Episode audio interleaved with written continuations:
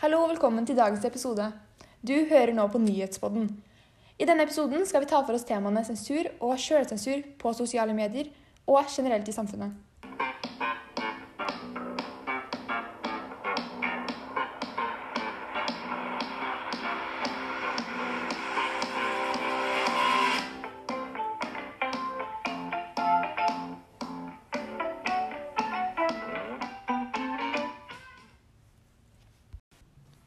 I dag får vi besøk av ekspert på sensur og sjølsensur, Geir Gerhardsen. Deretter skal vi høre en debatt som omhandler temaene sjølsensur og fake news. Og til slutt skal jeg, skal jeg lese et leserinnlegg som vi har fått tilsendt. Det handler da om sjølsensurens påvirkning på samfunnet. Jeg er nå med meg tidligere journalist for VG og nå ekspert på sensur og sjølsensur, Geir Gerhardsen. Geir, kan du fortelle oss hva sensur og sjølsensur er? Ja. Sensur er jo da når noen går inn for å endre en tekst så det går i fordel for dem, og ikke som en motsigende tekst. Eh, Og sjølsensur er jo da når man utøver sensur overfor seg sjøl. Dette kan være om man er redd for å støte noen eller noe. F.eks. journalister som sensurerer seg sjøl fordi de er redd for å få kritikk, eller føler at de kanskje skaper dårlig stemning med å skrive det de kanskje egentlig vil, men velger å sensurere vekk. Skjønner. Men hvordan påvirker sjølsensur sosiale medier og ytringsfriheten vår? Sjølsensur påvirker sosiale medier og ytringsfrihet på mange måter. Eh, Det er generelt dårlig for et samfunn at folk velger å holde tilbake sin mening i frykt for reaksjoner. På sosiale medier er det noen som velger å styre seg unna situasjoner og debatter. Av og til er jo dette bra, men ikke hele tida. Eh, Det er viktig å delta aktivt i samfunnet, om det er en nettdebatt eller å stemme ved valg. Velger man å holde tilbake sin mening på sosiale medier, er det dumt. For da får man sjøl ikke ytra det man ønsker, pluss at man heller ikke får muligheten til å høre andres mening og synspunkt. Det er også dårlig for ytringsretten.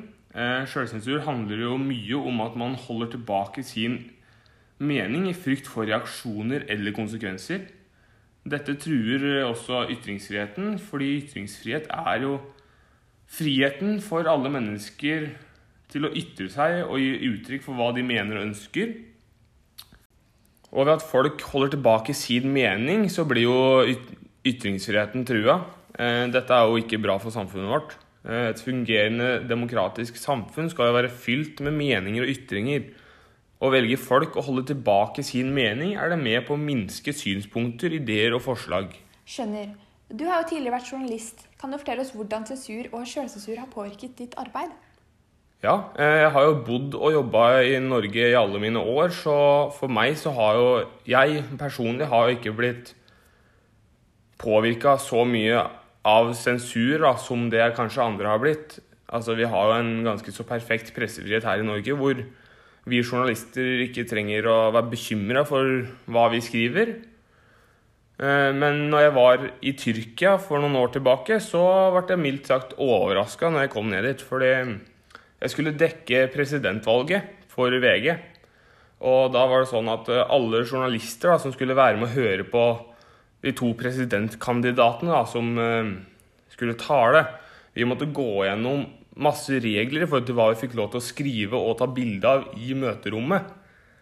Eh, Og etter at møtet var ferdig, skulle alle blokker og kameraer gås gjennom for bilder og tekst, for at det ikke skulle være noe upassende som kom ut da i media.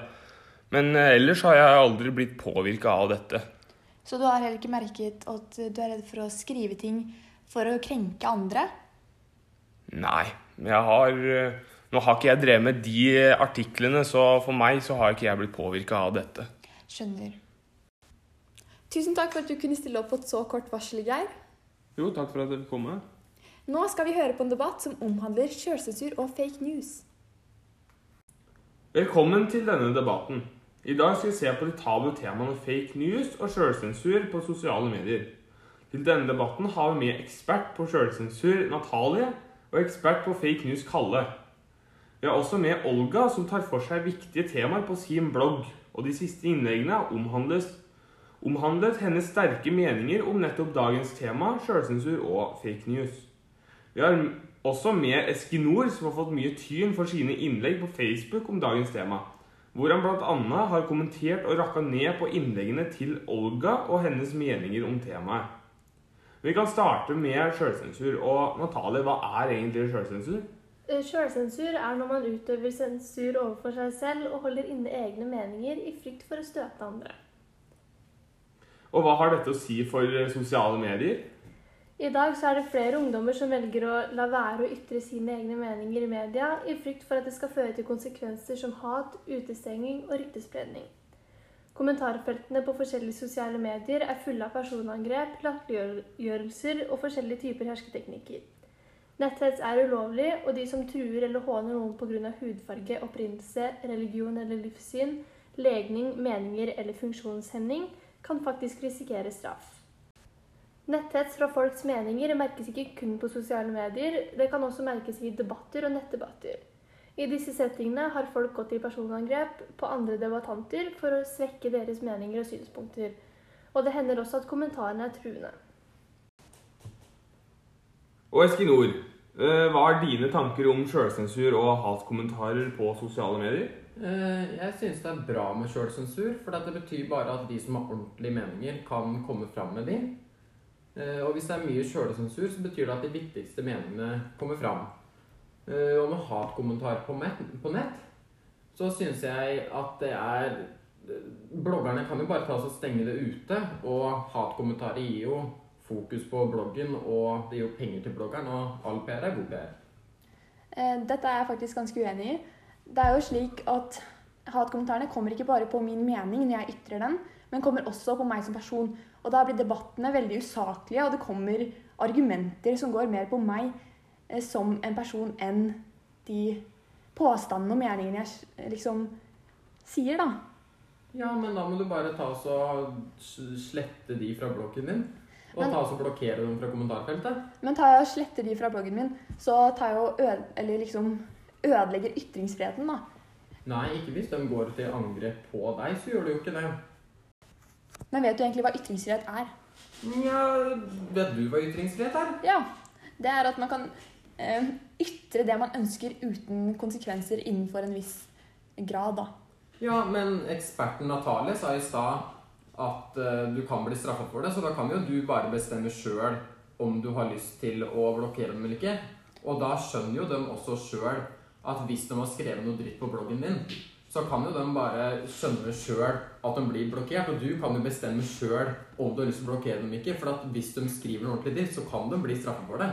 Hørte du ikke akkurat det du sa 'innenfor en viss grad'? Det kommer an på hvor alvorlig kommentaren er. Ja, men det er noe med at han kan bestemme okay, det sjøl. Jeg tror vi avslutter det temaet her nå, og så går vi videre. Etterpå prater vi om fake news. Takk til Natalie som var med oss. Olga og Espinor blir med oss videre. Vi skal nå prate om fake news og har med oss ekspert Kalle. Eh, og Kalle, hva er egentlig fake news? Fake news det er eh, nyhetslignende saker som fremstår sanne, men som er delvis eller 100% løgn. Men hva slags konsekvenser kan fake news ha for lesere og sånn for, på f.eks. Eh, sosiale medier? Ja, sosiale medier eh, sprer fake news fortere, som gjør at det kan komme til seriøse nyhetskanaler. Og det gjør jo at eh, det fremstår sannhet, da. Og folk begynner å tro på disse falske nyhetene. Og hva slags konsekvenser kan dette ha for demokratiet vårt? Jo, det kan svekke politikernes sine sterke Eh, meninger eh, som gjør at eh, folket som en gang likte dem, går nå imot dette partiet, da. Ja. Takk til Kalle. Nå skal vi over til debatten, og vi har med oss Olga og Eskinor. Eskinor, hva er dine meninger om fake news? Nei, jeg synes at nyheter, det er nyheter. Og en sikker, en sikker kilde, det handler om erfaring. Og når folk opplever og rapporterer om noe, så betyr det at det har skjedd. Og man vet heller ikke om NRK snakker sant eh, eller ikke. Og om de rapporterer om ting som faktisk har skjedd eller ikke. Så da syns jeg ikke at man har noen grunn til å kritisere andre som kommer med nyheter, selv om det kan virke usannsynlig. Men det du sa nå er litt sånn dobbeltmoralsk, for du sa først at alt som blir skrevet av nyheter, er sant. Og deretter påstår du at alt NRK sier, ikke er sant. Hva mener du egentlig med det her? Eh, jeg mener bare det at NRK har riktige nyheter i grunnen. Men sånn som mange andre, så pleier medier ofte å pimpe opp sakene sine for å få dem til å virke mer interessante. Og hvorfor skal da privatpersoner bli slakta hvis de gjør det samme? Og mesteparten er sant uansett. Men er du sikker på at det er sant? Ja. Er det ikke farlig å Vet, vet du at NRK snakker sant?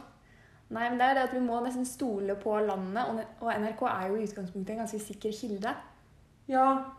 Og det er jo privatfolk også, hvis de har rapportert og Siden definisjonen på en sikker kilde, definisjonen, sier at det handler om erfaring. Og hvis man da har erfaring med at det her har skjedd, så er det en sikker kilde. Og de som snakker om fake news, sier at det brukes mye følelser og tull, men media gjør jo også det. Og media vil få sakene sine til å høre fancy ut ved å legge på mer eh, enn det det er, egentlig er, f.eks. i triste saker. Og flere har kommet med kommentarer til media at deres sak har blitt publisert, og så har de bare lagt på mer enn det de egentlig har sagt. Men det er jo forskjell mellom falske nyheter og overdrivelse. Kalle, kan ikke du forklare oss dette en gang til? Jo, falske nyheter er nyhetslignende saker som fremstår sanne, men som er delvis eller 100% løgn. Ja. Og det å overdrive litt er ikke delvis eller 100 løgn. Det er for å skape, eller liksom for å få flere lesere, og at folk skal vise engasjement og interesse for saken.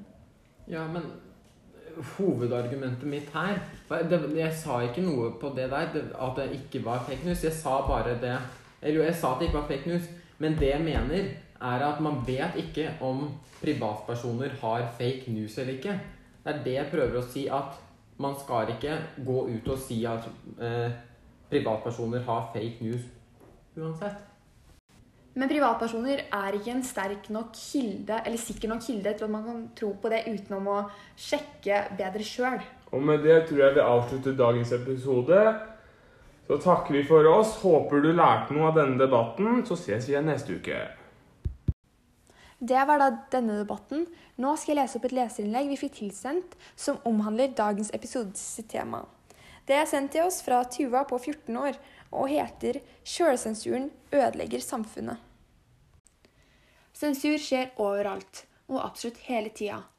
Til og med i Norge ser vi eksempler på ulike former for sensur. Men her er ikke den tradisjonelle sensuren mest vanlig, altså den som omhandler offentlig kontroll av trykksaker. Den vanligste formen for sensur i Norge er sjølsensur. Dette handler om at mennesker som deg og meg utfører sensur på seg sjøl i redsel for følgene en ytring vil kunne få. Sjølsensuren er veldig vanlig, og er faktisk med på å true ytringsfriheten og vårt demokratiske samfunn. Et fungerende offentlig samfunn er sannhetssøkende, fullt av debatter og åpen for kritisk meningsbryting.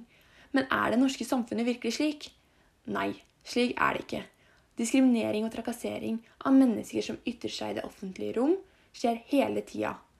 Konsekvensen av dette er da at synspunkter forsvinner pga. trusler, stigmatisering og sjølsensur. Sosiale medier har de siste årene blitt mer vanlig, og i sammenheng med dette har hatefulle kommentarer og ytringer også blitt vanligere. Det er et par grunner til dette. En av disse grunnene er at det ikke er like skummelt å slenge dritt når man sitter bak en skjerm, enn face to face. Det kan være at man ønsker å provosere, opplyse, eller bare bruker dette som et tidsfordriv. Tidsfordriv. Dette er et seriøst problem. De har ingen anelse om hvordan mottakerne av disse kommentarene reagerer eller føler seg. Disse reaksjonene er selvfølgelig forskjellige fra person til person. Det er sikkert noen som ikke blir påvirka i det hele tatt, mens andre blir skikkelig påvirka av det. Alle mennesker har et grunnleggende behov for å, føre, for å føle anerkjennelse og tilhørighet. Det spiller ingen rolle om dette kommer fra en vennegjeng, en arbeidsplass eller fra sosiale medier. Noen personer blir så påvirket av hatefulle ytringer at de velger å holde tilbake sin mening i frykt for at dette kommer til å skje igjen. På den andre siden av netthaterne har vi de som ikke ytrer sin mening fordi de er redde for å krenke, fornærme eller såre noen. Det kan være enkeltpersoner, organisasjoner eller myndigheter de er redde for å fornærme. Det kan komme at man selv har mottatt hatefulle kommentarer som har fått en selv til å føle seg dårlig, og derfor redd for at sin kommentar skal få noen til å føle seg slik. Når alle disse menneskene velger å holde tilbake sin mening fordi de frykter reaksjoner, eller er redde for hvordan mottakeren skal oppfatte det de sier som negativt, eller ta det inn over seg, deltar færre i debatter og involverer seg aktivt i samfunnet. Slutter folk å ytre seg, kommer ikke viktige meninger og synspunkter fram, og samfunnet blir verbalt fattigere. Jeg vil dra det så langt som å si at er det bare noen få som tør å ytre seg, står vår stolthet og vårt demokrati for fall. Takk for at du sendte inn dette leserinnlegget, Tuva. Det var veldig fint. For å oppsummere episoden kort er det ingen tvil om at sjølsensur har en negativ effekt på samfunnet, og er med på å true demokratiet siden mange meninger blir holdt tilbake av frykt. Det er jeg, Ingeborg Bårdstad, som har ledet dere gjennom dagens episode. Takk for at du hørte på. Eh, for å avslutte episoden skal vi nå høre et utdrag av diktet 'En sang til ungdommen'. Det er skrevet av Inger Hagerup. Diktet er da opplest av Knut Knutsen. Det handler om hvordan sensur kan få en til å føle. Sterkt lot vi alle ømme ord forvitre. Vår munn var stum og våre øyne bitre. Vi kunne ikke flamme, bare knitre. Som solen blinker på en frossen flate, slik lot vi smilet glitre over hatet, mens hjertet hamret bak sin panserplate.